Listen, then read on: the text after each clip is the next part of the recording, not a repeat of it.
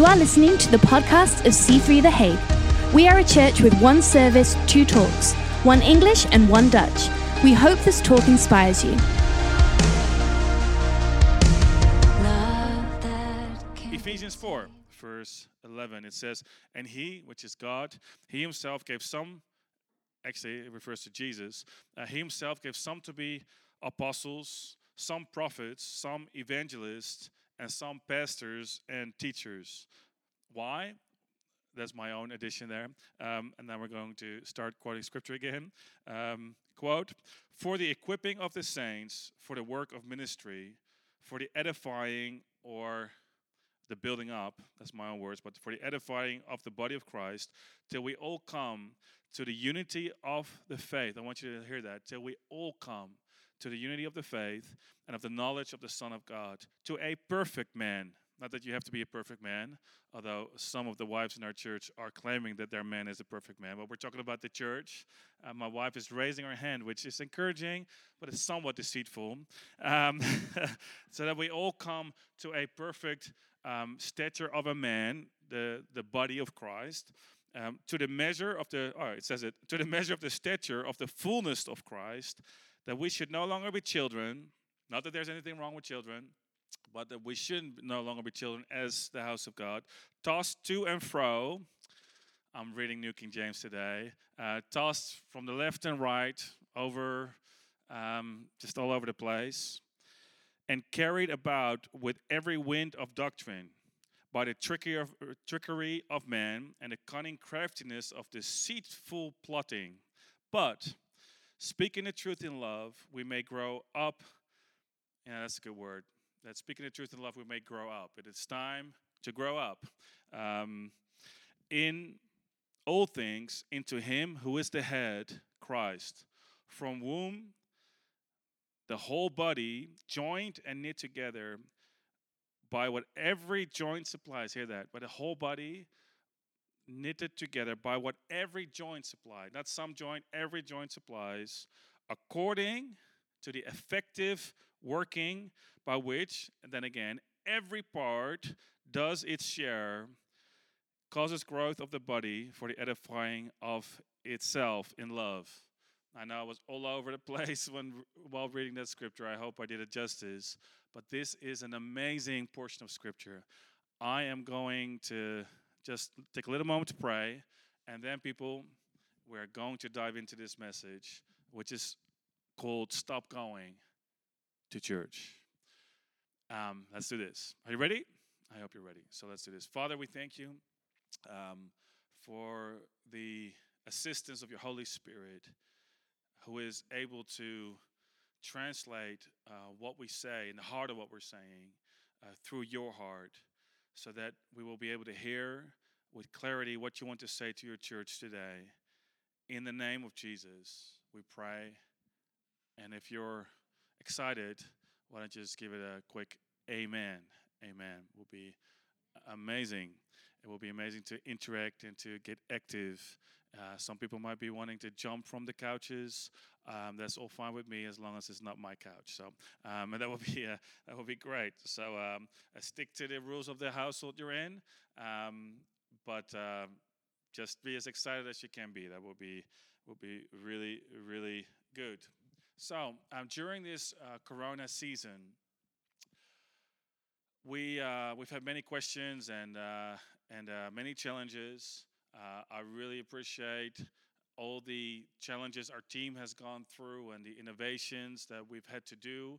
Um, as you might know, if you have been watching, if you haven't, shame on you. No, I'm kidding. but uh, if you have been watching, you would know that we're now setting up a more live recording, and uh, our aim is to start broadcasting live on a Sunday morning.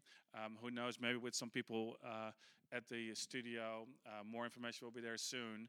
Um, but one of the questions that we've been getting a lot, I would say the the the mo- the, the um, most frequently asked question I have received. Um, I wonder whether everybody here know, I, I, everybody here knows because we've just done a Dutch service. Um, we're just keeping it real.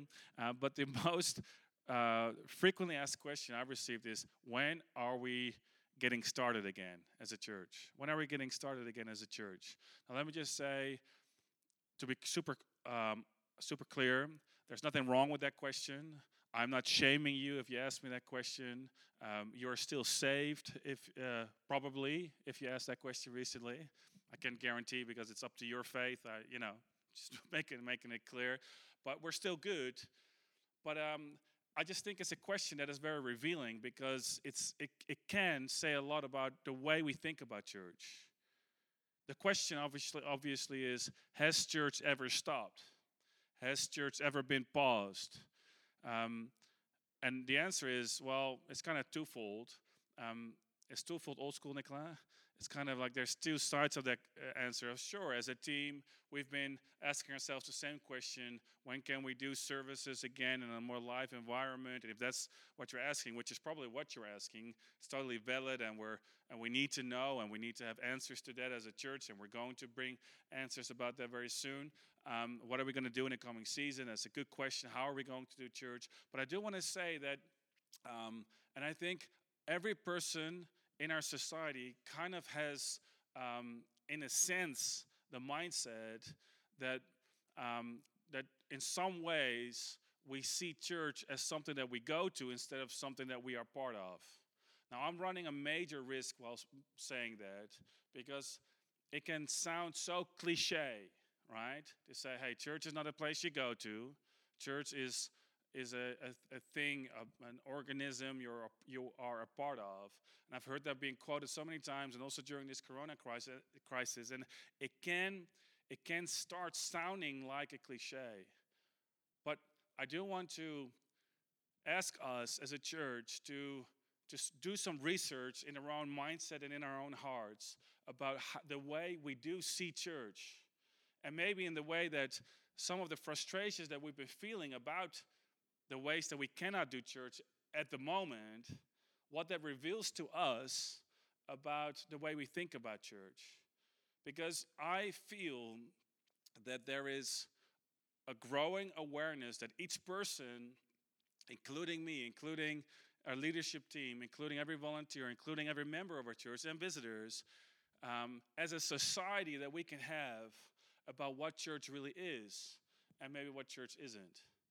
And so it's interesting because the book of Ephesians is a book that is about the revelation of the church, the revelation of the house of God. Ephesians um, 1, Paul starts by saying um, that the church has been placed in Christ Jesus. He says that we have been given a position in Christ Jesus. He, he mentions that Jesus was raised from the dead and seated above every authority, every name that is named not only on this earth, but also in the ages to come, visible and invisible. And then he goes on in Ephesians 2, verse 6, if you know your Bible, and if you don't know, it's still true, um, that we have been raised up together with Christ in him, seated in those places. And so, so and, and, and, and, and Paul speaks about that Jesus, through the church, fills everything through everything. And it's a little bit complicated, but basically the thought is that, that we as the church have been given authority um, over all society, over, over every, every, every authority that is visible and invisible.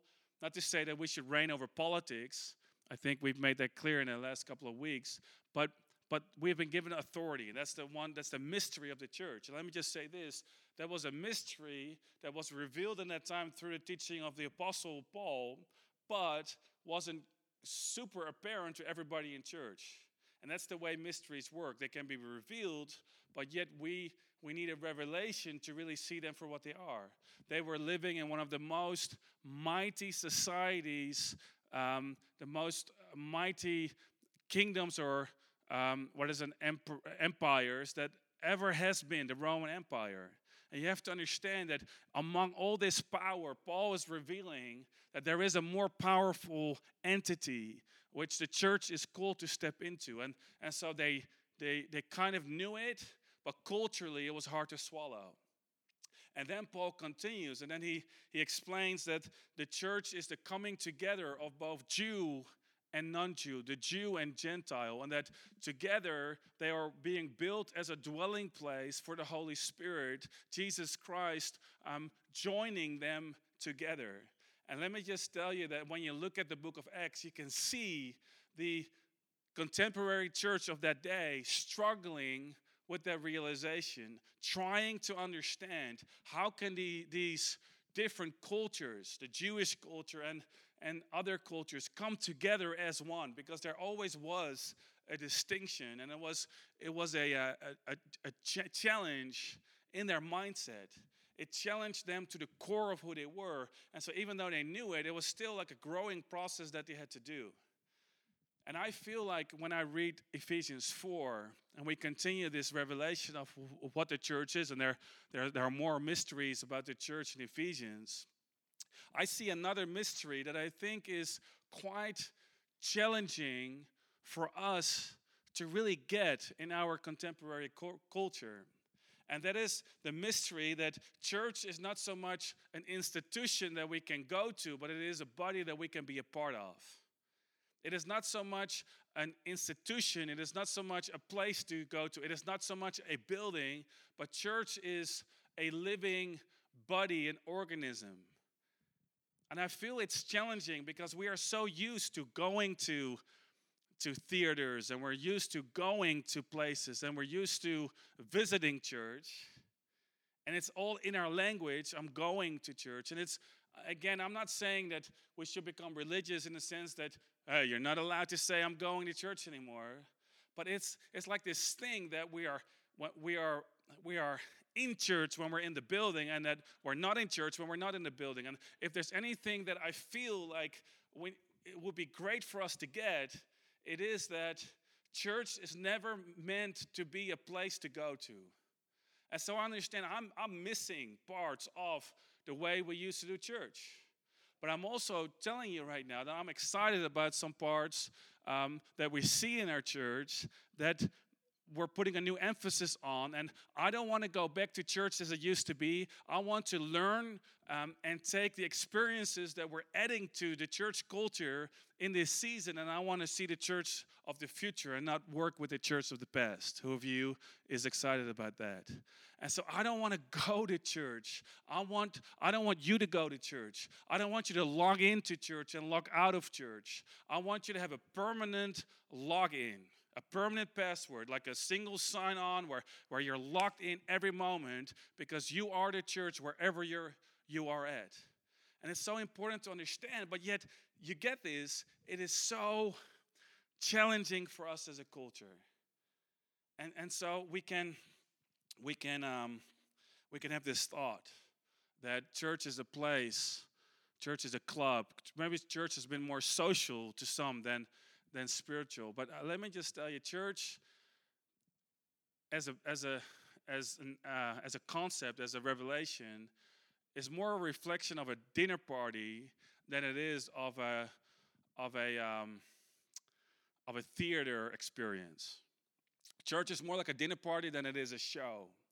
And I think it is important to understand, even though this might be cliche, that that as you go to a dinner party, everybody brings something. Know, some of you, your experience with Dutch people is, is not is not that. But let me let's just let's just uh, let's just say that that it's it's like courtesy. It's like the thing that when you're at a dinner party, everybody brings something. You bring some wine. You bring your vegan sausages. Um, you bring your côte de boeuf. You bring you bring what you a quarter pound steak, right? That's a technical term. Nicola and I every Sunday uh, I'm not sure we're going to do it today, but every Sunday we have a quarter pound steak because I'm cooking on Sunday nights, and it's just uh, it's my privilege to serve my family with uh, with meat. Uh, anyway, let's let's keep going. Um, and uh, um, where was I? Um, church is more like a dinner party. Everybody brings something. Everybody has a story to tell, and, and at a dinner party, it's amazing the sense of community that you create when you listen to each other's stories. Can I say like? We sort of dislike dinner parties where one person does all the talking, don't we? It's like, well, you know, we've we've I've said everything about me. Can we talk a little bit more about me? You know, you want to. Who wants to hear another anecdote? You know, and it's always sometimes there's always this one person who who does way too much talking. It's a bit like church, you know, where sometimes like one person doing all the talking and the rest is watching, and we feel that is church. But church is more a dinner party than it is a show. Um, and then um, church is more like a dinner party because at a dinner party, we can see that the whole is bigger than the sum of its parts. So when you when you get together in a dinner party, you can say there's 10 people. I know that maybe during the corona season it might have to be a little less, depending on how many kids there are, but there's 10 people. And, uh, and you cannot say, well, you know, everybody brings 10%, so we kind of know what it's going to be. A dinner is always, there's always an element of surprise because there is, can I say, there is like a chemistry, there is something that happens when people come together and eat together and bring their stories and bring their food and share. I know the Indonesians in our church know what I'm talking about. They share, and it's like, it's like, it's, it's bigger than us individually it's bigger. We know it's bigger than what you can do logging in on a Zoom party. It's like there's something that happens when you get together. And, um, and so I'm not saying that we will never again get back into buildings, but what I am saying is that as we get back into buildings in whatever, whatever form we find, whatever form is appropriate, that it needs to it needs to have in our minds this sense of everybody brings something we need your worship. We need your prayer. We need your we need you to be active because church is not about being passive. We see in this scripture that church is about being an active part. And so I wonder whether you recognize in some way the mindset where where where you can sort of check with yourself, do I recognize in a way, in a sense, that I have seen church a little bit more like a place to go to than a place to be, than, than a community, a body to be part of. There's a couple of questions you can ask yourself. Maybe you recognize these. Maybe, maybe you've been asking yourself, when is church getting started again? And I'm not saying if that's your question that, that you are indeed religious or wrong. But what I'm saying is, is there a part of you that feels like church is more a place, an institute, than a place you're a part of? Maybe you've been thinking or have been hearing, what is the church doing about certain needs? And I, and I think it's interesting because when you ask yourself that question, you, beca- you, you can be tempted to start looking at church as an institution. What is the church doing instead of asking, what are we doing? What can I do to serve these needs? Maybe you've been, um, you've been wondering, what is the church doing for people in this corona season? Well, the question obviously is what are we as a church? What can we as a church do? What can you add? What can I add? What maybe you feel the church needs to do more in terms of evangelism or in missions or in caring for the poor. And the question is not so much what does the church need to do? The question is what can we together as a community, as a body do? What can I add? What can I bring? What can I what can I do to meet this need? Some people have the have the some people are not aware that we're missing something if they are not present. We're, we're missing you. Because it's like the dinner party, the whole is bigger than the sum of its parts. When you add your faith, when you add your presence, when you add your love, when you add your encouragement, when you add your personality, come on, bring your personality to church. When you add you, something is added that is bigger than just you. We miss you when you're on holiday. We love for you to be on holiday, but we miss you. We miss your family. We, we, when we get together, uh, when, we, when we're not aware of that, we might have seen church as a place to go to instead of a community of people who we are. Maybe you're saying, I'm too busy to help, I'm too busy to build, and it might reveal, in some sense, a lack of awareness that you are the church you are building you when you're building the church. You're putting your time into, into who we are. And we can rise to the challenge. We have a calling. Not just I have a calling or you have a calling. We have a purpose. We have a calling. We have there's a mystery to be revealed. And the scripture is revealing to us that when every part gets active, listen to this. I want to actually leave you with two practical things you can do, but listen to this for the equipping. So there's all these ministries apostles, prophets, evangelists, teachers, and one of them that I forgot, doesn't matter. For the equipping of the saints for the work of the ministry. All the saints, every person in church, every believer should be equipped to do the work. See, church is a place where everybody does the work and nobody is looking on. That is the way that God is calling us to be.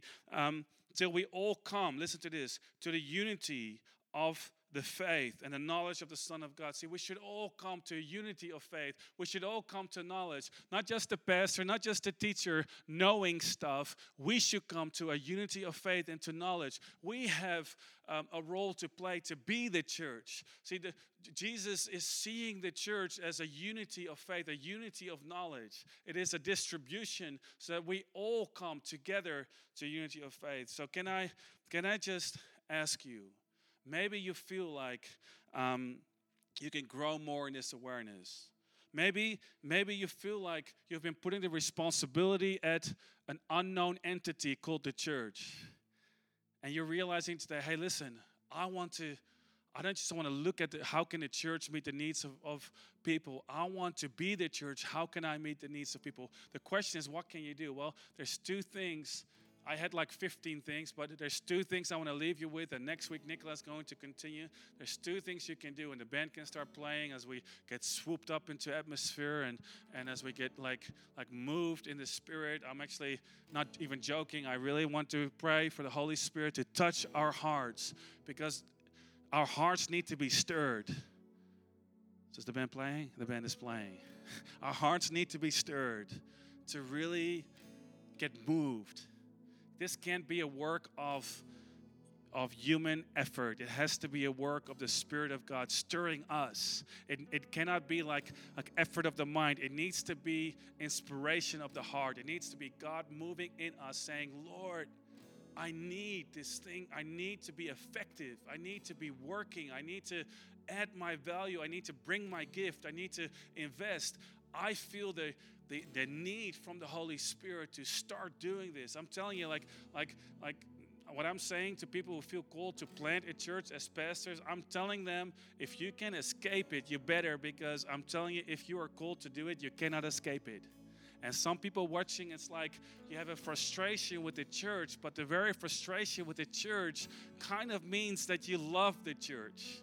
Sometimes it gets expressed a little bit um, wrong, and sometimes it needs a little bit of correcting. We need to try to see it a little bit more positive. We need to see a little bit more that we have a role to play. But I'm telling you right now that as God stirs our hearts, there's, there's things that we can do. And the first thing we can do is be an owner. I want to tell you, own it. Own the church. Start making the church's problems your problems. Start, start seeing yourself as a part. Are you an active part or are you an inactive part? Are you an effective part? Are you an ineffective part? Are you a part that edifies the body with truth and love? Or are you a part that sort of like causes things that we don't really want to see? And you have a responsibility. Not just the pastor, not just the evangelist, not just the teacher, not just the prophet, not just the apostle. It's you. You can, you can be equipped you can work the ministry. You can encourage somebody. You can you can own it. And say, if we can own, what is the church doing for the poor? Well, it's what you and I are doing. What is the church doing for people? Well, it's what you and I can be doing. What can I do? And so, one thing you can do very specifically is you can ask your dinner uh, watch party host. You can send us an email saying, "Hey, listen, I have something to give. What can I give?" And maybe it will be like a discovery moment where we have to discover what is your gift and uh, how can we find a match. But I'm telling you, there is something you are called to give. Give it, bring it, bring your worship, bring your added flavor, and let's be a whole that is bigger than the sum of its parts. And it happens when you own it. The second thing and the last thing, two two thoughts today at the end of this message is become a what can I do? What can I do to become an active part? Well, become a joint that supplies. Listen to this from womb, from Jesus, the whole body, joined. Listen to these words joined and knit together by what every joint supplies, according to the effective working by which every part does its share. That's how God intends to cause growth of the body for the edifying, for the building of itself in love. You know, a couple of years ago, I had a surfing accident. Actually, had a surfboard hit my elbow, and I started to have pain in my shoulder. So I went to the doctor way too late, and he sent me to uh, the physiotherapist. And And so I was, I was, I was thought I needed to be treated for my shoulder, but what they were saying is I had pain in my shoulder because I had an injury in my elbow. And it's a bit strange because my shoulder was overcompensating. There was more stress on my shoulder because the stress in my elbow wasn't dealt with properly. And I want to tell you that that that there are every person is a joint. You need to become a joint that that transmits the DNA of the body. I know that technically every cell of the body has the DNA, but you know, go with me here. I, I, really want you to become a joint that shares the life, that shares the love, that shares the truth. That is, you're, you're, you're called to not just joint in friendship, you're called to joint, to be a joint in vision, to be a joint in encouragement, to be a joint in love, to be a joint of service, to be a joint of generosity, causing a joint connection for somebody else. Who can you connect? Who, which, what bonds can you strengthen? What can you do to become a, a connection point to the church? for people and how can you grow connections because I'm telling you right now, the church, I didn't share this in the Dutch service, this is bonus content. The church is only as strong as the relationships. And you can be a you can be a joiner, you can be a jointer, you can you can add the joining factor, the, the connection factor, the relationship factor in in the house of God. And I don't want you to underestimate that part because your encouragement, your truth, your love, your, your what you have to give, your personality, your listening ability, your empathy, it needs to be brought in so that you can be of service. So you can transmit DNA, so you can carry the DNA of the house of God. I want to take a one moment to pray, and then we're going to continue this service. And and I want to ask you a question afterwards. But let us just pray. Father, God, by the Holy Spirit, we ask you for a miracle. We ask you for a revelation of church in our thinking. We, we know, Lord, that all things, you, you make all things work together for good. And my prayer is that this season will work together for good for the culture of our church so that we can be joined, so that every member, every person can become effective. Help us as a church and help us as people to say, What can I do? What can I bring to become effective in the house of God? In the name of Jesus. Amen and amen. Listen, I want to ask you a question. I want you to know that even though we've been talking about the body, the Bible here says very clearly that it is from Him, Christ who is the head. From Him, the whole body is joined and knit together. I want you to understand that it all comes from Him. Colossians says that everything is through Him and everything is for Him. So, your relationship with God cannot just be a relationship with the church, it needs to be a direct plug in into who He is. And so, if you, if you right now, if you need to come to God, if you need to make a connection with Him, maybe you've done this before, maybe you've never done this before. Maybe you're not sure of your salvation. I want you to be sure. Faith is a, is a, a surety. It is an assurance from the inside. You can be sure today. I want to ask you to pray this prayer. And if you've done so, let us all pray this prayer together out loud. But if you've done so from your heart, believing, I want you to let somebody know in our church. Send us a, a direct message or let somebody know. We want to help you to become a joint in the house of God, in the family of God. Thank you for listening to this podcast. If you want to know more about what's going on at C3 The Hague, please follow us on Instagram. We'd love to see you on Sunday.